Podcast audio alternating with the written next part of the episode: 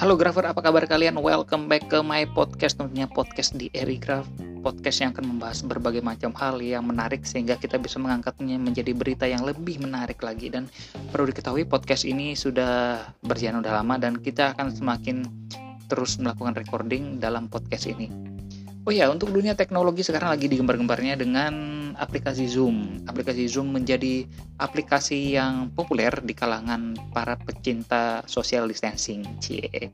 Mengingat pada saat ini wabah corona sedang melanda sehingga aplikasi Zoom menjadi aplikasi yang wajib ataupun aplikasi pilihan untuk orang-orang kantor sehingga mereka bisa bersosialisasi di luar sana. Dan kok aplikasi Zoom jadi ramai pada saat ini karena aplikasi Zoom disebutkan merupakan aplikasi yang tidak aman untuk digunakan.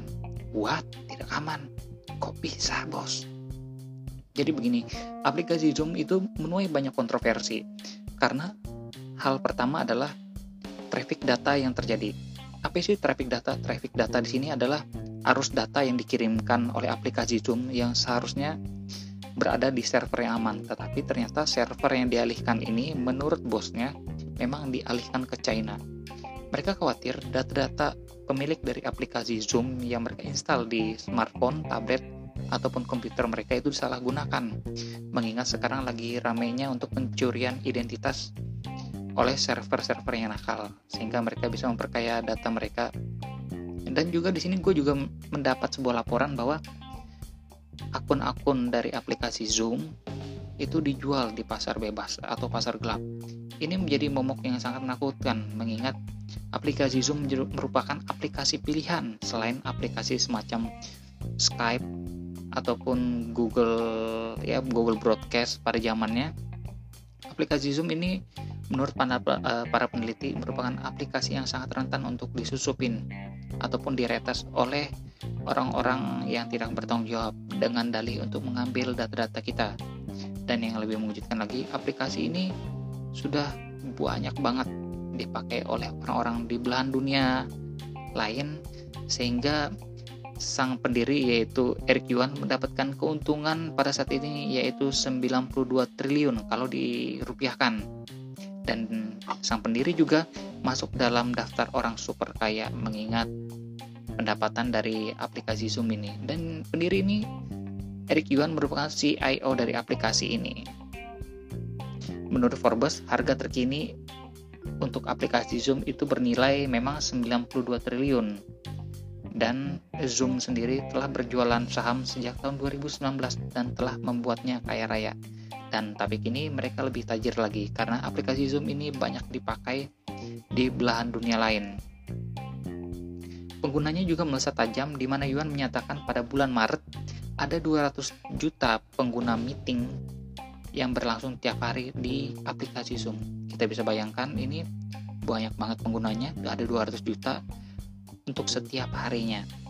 Dan arus traffic data itu tentu saja memberatkan untuk server mereka, sehingga ada kemungkinan mereka mengalihkan server itu ke bagian China, mengingat China itu merupakan server terbesar kedua setelah Amerika Serikat.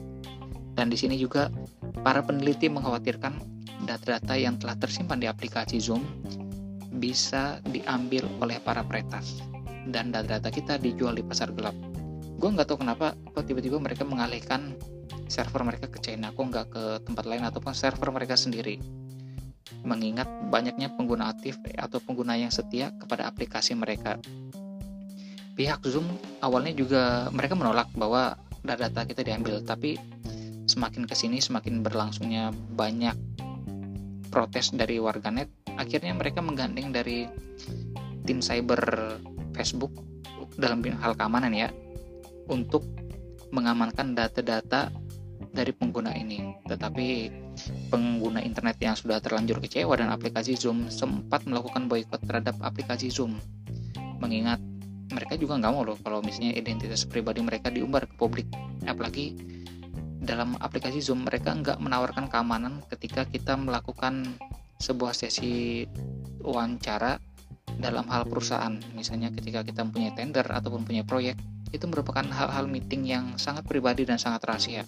Sehingga aplikasi Zoom dirasa merupakan bukan aplikasi yang tepat dalam mengaplikasikan sistem tersebut dan juga untuk teman-teman mungkin dulu tuh kita pernah mendengar dari rumor aplikasinya tuh kayak aplikasi WhatsApp itu nggak aman kemudian dari eh, aplikasi Telegram mereka menawarkan sesuatu yang baru yang nggak dipunya oleh WhatsApp dan semenjak aplikasi Zoom ini juga ada banyak pilihan aplikasi-aplikasi yang mungkin bisa guna, kita gunakan tapi enggak setrending dari aplikasi Zoom ini dan di aplikasi Zoom ini si Eric Yuan juga mempunyai sebuah profil yang mentereng mengingat orang tuanya adalah insinyur dari pertambangan. Dan Eric Yuan ini memiliki gelar sarjana matematika terapan dan gelar master dalam bidang teknik. Wow, ini sangat menarik mengingat yang membuat atau CEO-nya itu orang-orang yang pintar. Dan di negara Taiwan, Taiwan pun melarang pegawai pemerintahan menggunakan aplikasi Zoom untuk meeting atau melakukan aktivitas kantor lainnya mengingat sistem privasi yang tidak aman. Pemerintah Taiwan ini menilai aplikasi Zoom memiliki sejumlah kelemahan dari segi keamanan itu juga memang nggak terjamin. Gue setuju bos untuk ini. Larangan ini juga diserukan oleh negara-negara lain, contohnya kayak Kanada, Australia, dan sejumlah negara Eropa lainnya pemerintah Taiwan juga melarang untuk aplikasi Zoom digunakan dalam semua urusan resmi negara atau pemerintahan. Ya iyalah, mengingat aplikasi Zoom itu nggak menawarkan keamanan. Kalau sampai negara mereka di hack oleh orang-orang luar sana akan sangat menggemparkan oleh negara-negara lain. Sebagai gantinya nih, pemerintah Taiwan menyarankan pegawai yang membutuhkan perangkat lunak konferensi video untuk pekerjaan jarak jauh menggunakan aplikasi dari Google dari Microsoft kayak Google dulu tuh sempat naik daun sih uh, tapi makin-makin ke sini kayak Google Hangout tuh kayaknya dari pihak Google karena memang karena nggak rame itu akhirnya mereka kayaknya udah nutup gitu loh untuk aplikasi Hangout. Sehingga aplikasi tersebut nggak dipakai lagi. Dan juga ada sekitar 500 ribu akun Zoom diretas dan dijual secara online. Dan ini laporan ini baru laporan terbaru dari pakar dunia keamanan. Dan ini menurut Blipping Computer mengungkap bahwa akun Zoom yang diretas tengah dijual di website ilegal. Jumlah akun tersebut bahkan mencapai 500 ribu. Kita bisa bayangkan dalam 500 ribu itu ada banyak banget datanya. Dan itu pasti data-data yang penting banget untuk digunakan. Jadi mereka mengatakan bahwa serangan semacam ini umumnya tidak mempengaruhi pelanggan perusahaan kami. Tetapi ini merupakan suatu bahaya untuk pelanggan dari aplikasi Zoom. Zoom juga mengungkapkan bahwa pihaknya telah menyewa beberapa perusahaan intelijen untuk menemukan cara mengatasi masalah tersebut dan alat yang digunakan untuk membuatnya serta sebuah perusahaan yang telah mematikan ribuan situs web yang mencoba menipu pengguna agar mengunduh malware atau menyerahkan akun dan kata sandi mereka. Jadi ketika penggunanya mengklik sebuah tautan, mereka secara tidak sengaja akan mendownload malware ataupun virus yang bisa meretas data-data mereka. Oh ya, di sini aplikasi conference video telah tumbuh secara eksponensial selama pandemi COVID-19.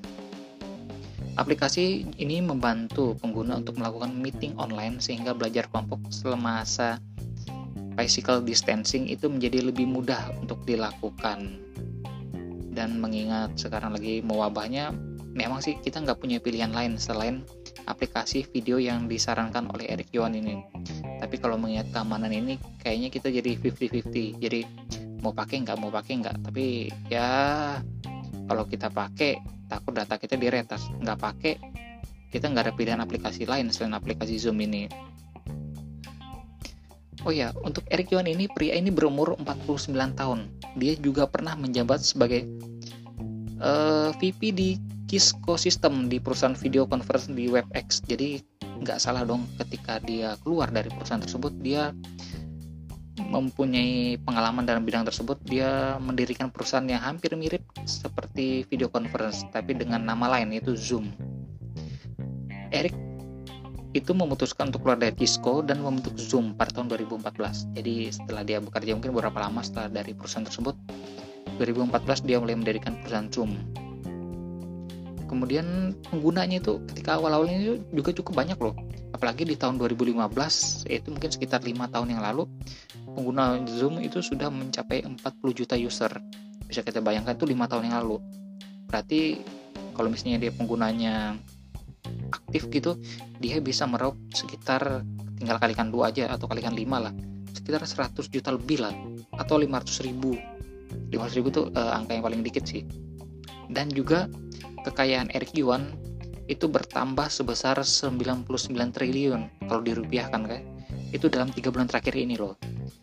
Dan mengingat sekarang lagi wabah dan tentu saja aplikasi Zoom itu banyak banget diunduh di smartphone di seluruh dunia. Dan kita juga tahu bahwa dengan adanya aplikasi ini kita lebih mudah bersosialisasi dengan orang-orang di luar sana. Kuliah online, wisuda online, meeting online, semuanya serba online. Dan gue yakin banget nih setelah wabah COVID-19 ini selesai, ada sebuah hal baru yang akan membuka mata dunia.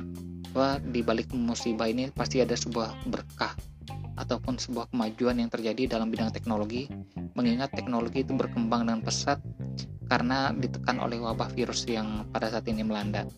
Oh ya, untuk teman-teman yang ada di luar sana, gue harapin kalian tetap jaga kesehatan, rajin minum vitamin, istirahat yang cukup, no smoking karena paru-paru yang smoking itu sangat disukai oleh virus corona. Dan juga ketika pagi jangan lupa kumur-kumur dan gosok gigi biar kita menjaga kesehatan mulut biar lebih terjaga. Dan sekian dulu untuk podcast pada siang hari ini. Dan selamat bertugas untuk teman-temanku semua yang berada di luar sana yang lagi bekerja terutama tim medis dan tim dokter semoga mereka selalu diberikan kesehatan dalam menjalankan tugas dan mereka juga dengan diberikan kemudahan dalam menjalankan tugas. Semoga pasien-pasien mereka cepat sembuh dan negara kita kembali aman dan kita juga bisa traveling kembali guys. Oke okay, guys, sekian dulu dan terima kasih dan sampai jumpa untuk podcast-podcast berikutnya. Bye bye.